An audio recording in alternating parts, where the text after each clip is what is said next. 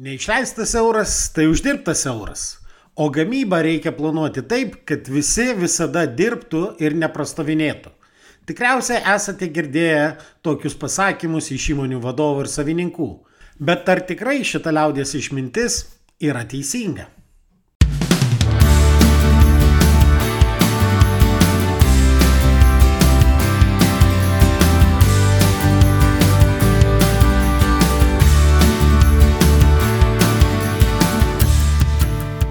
Sveiki, jūs klausotės podkasto Nuo amato prie verslo, kuriame tikima, kad verslas turi būti pajamų, pasiekimų ir pasitenkinimo šaltinis, o ne tik kelti stresą ir deginti laiką. Su jumis aš, šios laidos autorius ir vedėjas, verslo konsultantas, treneris ir efektyvumo fanatas Nerius Esnavičius. Jūs jau klausotės jubiliejinio dešimtojo tinklalaitės epizodo. Smagu matyti, kad šitos tinklalaidės prenumeratorių skaičius palengva auga. O šiandien pasikalbėsim, kas vis dėlto yra svarbiau - taupyti ar uždirbti. Liaudės išmintis teigia, kad dažnai kartojamas melas gali tapti tiesa.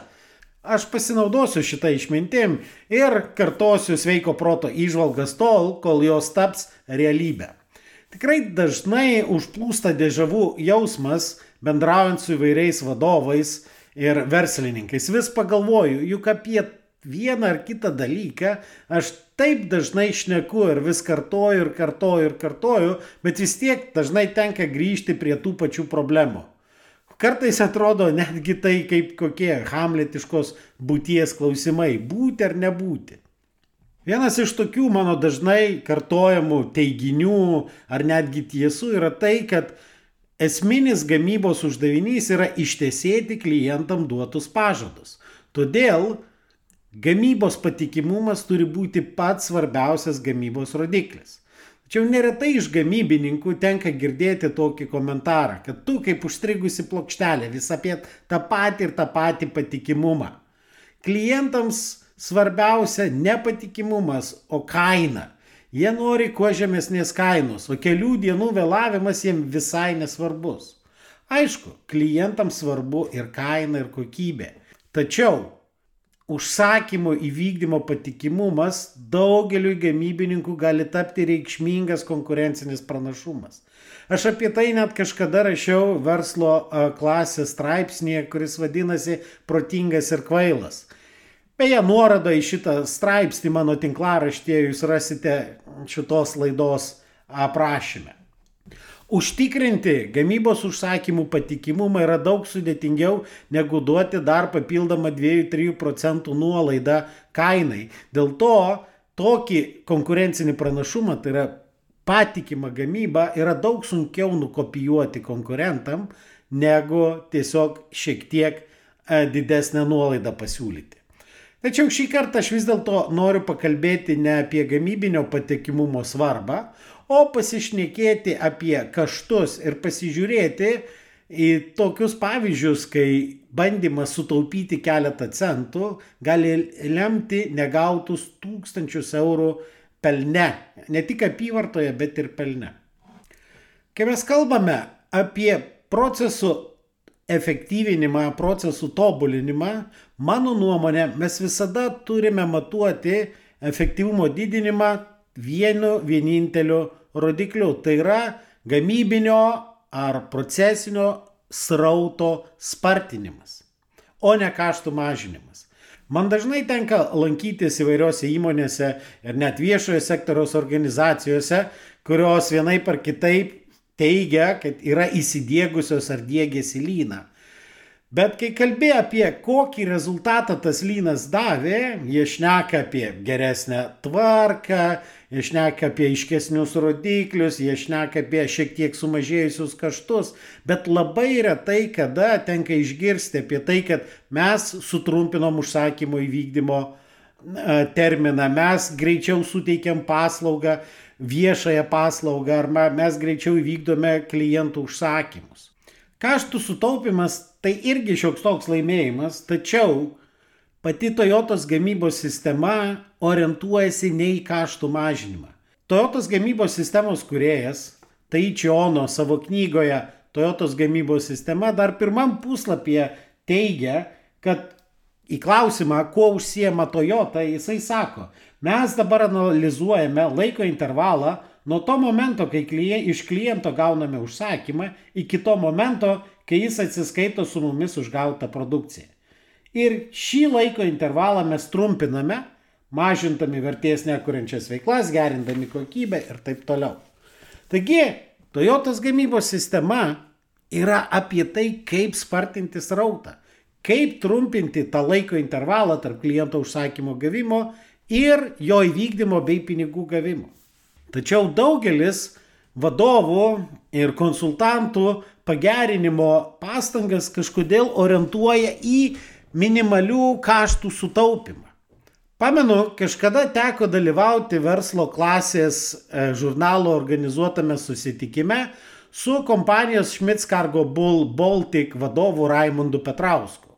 Ir jisai pasakojo, kaip jų įmonėje buvo įdėkta lean ir apribojimų teorija, kokių organizacijoje įvyko kultūrinių pokyčių ir kokie rezultatai pasiekti. Ir rezultatai tikrai įspūdingi. Pats įmonės vadovas pasakojo, kad įsidėgė ir tobulindami savo procesus, jie pasiekė šešis kartus išaugusi gamybinės apimtis. Tai yra tie patys darbuotojai per tą patį gamybinį laiką dabar surenka, nu, tuo metu gal ne dabar, bet tuo metu, sakė, surinkdavo šešis kartus daugiau priekabų negu buvo surenkama prieš pradedant procesų tobulinimą. Bet auditorijai didžiausia reakcija sukėlė ne pasiekti rezultatai, bet kai iškilo diskusija apie tai, kaip yra organizuotas gamybos padalinio darbas. Ponas Petrauskas pasakoja, kad jų įmonėje kiekviena šešių ar septynių darbuotojų grupė turi savo taip sakant, komandos lyderį, kurio pagrindinis darbas yra organizuoti gamybos proceso tobulinimą, o ne varštus sukioti. Auditorijoje girdėjosi toks pusiau šnapždėsys, kad tai neefektyvu. Taigi šeštadaliu didesni darbo užmokesčio kaštai. Kaip čia yra kažkokie darbuotojai gamyboje, kurie neužsiema gamybą, ne varštų sukinėja, o tiesiog užsiema organizavimu. Ir va tas požiūris, kad gamyboje visi turi dirbti, yra labai labai gajus. Mums tenka matyti vos ne kiekvieną dieną dirbant su įmonėmis, kad labai dažnai gamybos valdymo pagrindinis uždavinys būna gamybos planuotojams ir e, keliamas uždavinys ne, kuo geriau ir greičiau vykdyti kliento užsakymus, o užtikrinti, kad visi gamybos darbuotojai turėtų darbą. Nes nedirbantis resursas yra kaštai, o kaštusgi reikia taupyti. Visgi vadovų įsitikinimas ir siekis, kad darbuotojai turi visada dirbti ir mes visada turime užtikrinti, kad darbuotojai visada turi darbo, ne tik tai nedidina uždirbamų pinigų kiekio, bet labai dažnai netgi tampa pinigų praradimo arba pinigų neuždirbimo priežastimi. Nes tai sąlygoja užsakymų įvykdymo nepatikimumą ir netgi mažą efektyvumą. Pasižiūrėkime, kokios yra pagrindinės procesinės aplinkos sąlygos arba kokie yra esminiai procesinės aplinkos elementai. Ir šiuo atveju kalbame ne tik tai apie gamybos procesą, kur vyksta fizinė gamyba, bet tai gali būti ir paslaugų procesas, kūrybinis procesas. Dažniausiai bet kokiam procese yra bent keletas išteklių. Tai yra tam tikra išteklių visuma. Nes jeigu procese dalyvauja tik vienas išteklis, tai jau mes turim ne procesą, o amatininko darbą. Taigi, procesas susideda bent iš keletos išteklių ir procese visada yra aiški srauto kryptis. Nes pagal apibrėžimą sraute, tai yra procese vyksta pereimas, judėjimas iš vieno proceso žingsnio į kitą. Tačiau turime nepamiršti ir trečio labai svarbaus elemento. Bet kuriam procese yra neapibrieštumas. Angliškai tai vadinasi uncertainty arba liaudyje dar tai vadinasi Merfio dėsnis. Merfio dėsnis teigia, kad jeigu ne, nemalonumas gali atsitikti, jis būtinai atsitiks. Ir iš tikrųjų mes neturim nei vienos aplinkos, realiai veikiančioje organizacijoje, kurioje nebūtų vienokių ar kitokių neapibrieštumų, to vadinamų merfių. Kiekvienas įmonės ar net gamybos vadovas gali papasakot pluoštą įvairiausių istorijų apie tai, kaip nieks nevyksta pagal planą. Tai renginiai genda, tai tiekėjai atveža ne tą, ką prašėme, tai vyksta brokas, tai darbuotojai susirga ir tenka reaguoti į tą neapibrieštumą, į tą netikėtumą. Ir nors neapibrieštumas, tas Merfio dėsnis yra labai natūralus bet kurios organizacijos veiklos elementas ar gamybos proceso savybė, tačiau daugelis vadovų kažkodėl ignoruoja tą Merfį. Neseniai vykusio gamybos valdymo mokymo pabaigoje, kai su klausytojais aptarinėjom, kas jiem labiausiai įsiminė ir tuos aha momentus, vienos įmonės gamybos planuotoja, dalyvavusi kurse, sakė, man labiausiai užstrigo Merfio dėsnis. Sako, aš žinau, kad Merfiai pastoviai atsitinka, bet kažkodėl tai aš visada savo veikloj ir planuodama gamybą Merfį ignoruodavau. Ir ši gamybos planuotoja nėra labai unikali tuo Merfio ignoravimu. Labai dažnai gamybos vadovai, priimdami klientų užsakymų įvykdymo įsipareigojimus ir sudarydami gamybos planą, planuoja šimtaprocentinį darbuotojų efektyvumą ir užimtumą. Jeigu kuriem nors iš jų nėra veiklos tai ar neturi darbo, tuomet planas perdaromas taip, kad visi turėtų to darbo paleidžiami užsakymai per anksti, spaudžiami gamybos paruošimo padaliniai, tokie kaip dizaineriai ar konstruktoriai, kad tik daugiau duotumėt kokiu nors užsakymu, kad gamyba neprastovėtų. Taip ir turi būti, nes nedirbantis darbuotojas įmonėje kainuoja pinigus, turim aktyviai dirbti. Ir tą aš girdžiu galbūt net iš kai kurių klausytojų tą prieštaravimą. Aišku, mes galim ramiai savo ignoruoti e, tą galimą Merfį, tačiau gyvenimas visiškai nesidomi, ar mes ignoruojam ar ne. Ir jeigu mes sudarome optimistinius planus su šimtaprocentiniu tikėtinu pajėgumu, Merfis atsitinka ir gamyboje mes neturime rezervų įvairiems netikėtumams kompensuoti. Jeigu staiga sugedo įrenginys ar kuri nors gamybos operacija užtruko ilgiau negu planuota dėl įvairiausių, netgi objektyvių priežasčių ar subjektyvių priežasčių, ar dirbantis gamyboje darbuotojai susirgo, padalinys, kurią mes buvom suplanavę, darbą 100 procentų pajėgumu, nebegali panaikinti atsilikimo nuo grafiko, nes jis tam neturi rezervinių pajėgumų, papildomų laisvų darbuotojų ar papildomų laisvo darbo laiko. Ir tai veda prie atsilikimo nuo planuoto grafiko, vėlavimo įvykdyti užsakymą, nepatenkintų klientų, gaisro gesinimo režimo gamyboje, didelio streso ir nepatenkintų darbuotojų. Kai kuriais atvejais įmonių vadovų siekis užtikrinti, kad darbuotojai visada turėtų darbo, pasiekia netgi tam tikros na, ekstremumus. Jeigu klientų srautas ar klientų užsakymų srautas nėra labai stabilus, tai vienintelis būdas užtikrinti absoliutų darbuotojų žimtumą ne tik per piką, bet ir kai užsakymų yra mažiau, tai mes privalome tokiu atveju turėti tam tikrą darbo buferį. Tai yra tam tikrą dirbtinę eilę prieš darbuotojus, kad jie, netgi tada, kai sumažėjo užsakymų kiekis, jie turėtų darbo. O kas tai yra darbo buferis? Iš esmės darbo buferis tai yra kliento eilė.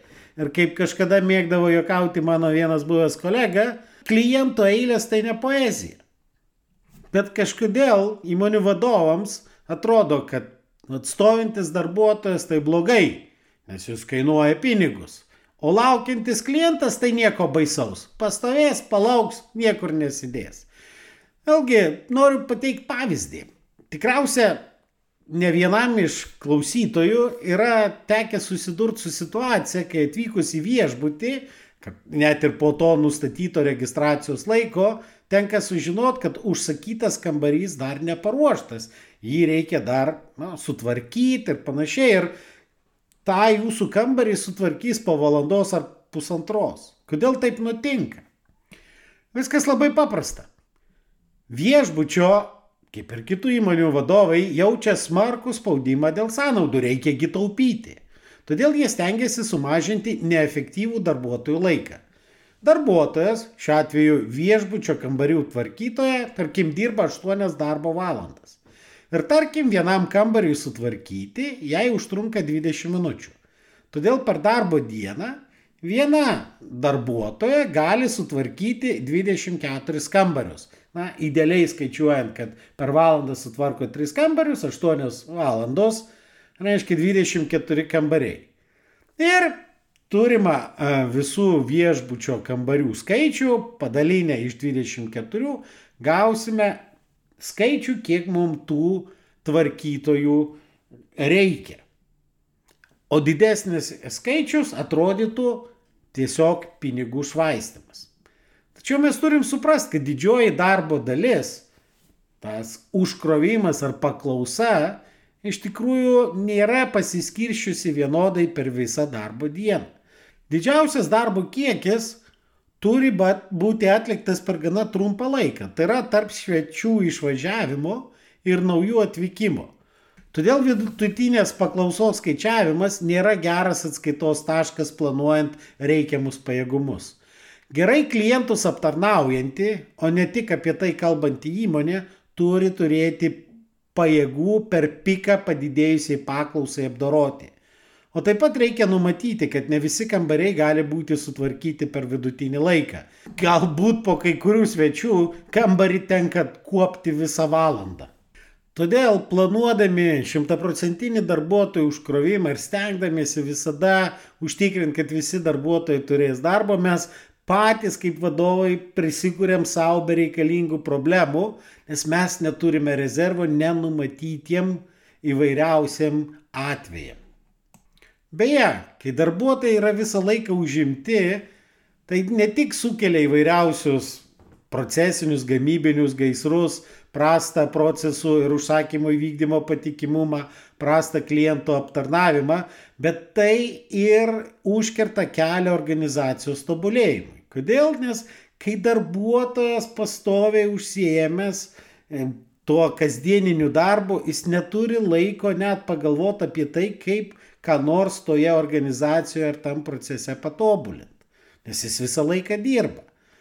Nes organizacijos tobulinimas, veiklos procesų tobulinimas irgi darbas reikalaujantis nemažai laiko, o jeigu darbuotojai visą laiką užsiemė, jie to laiko tobulinimui neturi. Todėl naivu būtų tikėtis, kad darbuotojai visą darbo dieną dirbę prie staklių ar sukioja varštelius po darbo dienos dar ims galvoti, kaip patobulinti gamybą. Tuo gali užsiimti vadovas gamybos tobulinimu, bet niekas geriau nežino, kaip patobulinti procesą, negu tie darbuotojai, kurie patys procese dirba.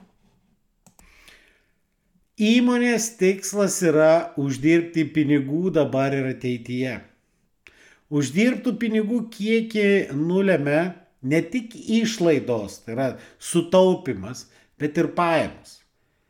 Jeigu grinai matematiškai mes sutelksim visą dėmesį į išlaidų mažinimą, tai mes galime sumažinti išlaidas iki nulio. Bet išlaido rodiklis nulis, tai reiškia organizacija nedirba. Todėl sėkmingų verslo organizacijų vadovai daug daugiau dėmesio skiria ne išlaidų mažinimui, bet konkurencinio pranašumo sukūrimui ir pajamų didinimui.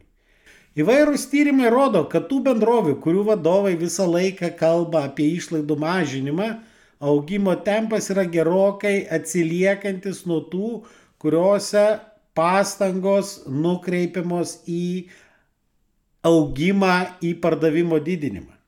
Ir turime prisiminti, kad sėkmingomis bendrovėmis laikomos ne tos bendrovės, kurios ryškiai sumažino savo išlaidas, o tos, kurios sugebėjo ilgą laiką išlaikyti tvarų augimą. Aiškia, didino savo pardavimus, kontroliuodamos savo išlaidas. Pagalvokite, ar kartais jūs nedarote klaidos taupydami keletą centų ir dėl to reikšmingai pablogindami kliento aptarnavimą ir savo patikimumą ir dėl to prarasdami pakankamai reikšmingas pardavimo apimti. Tai šiandien tiek ir iki kitų susitikimų. Dėkoju, kad klausėtės.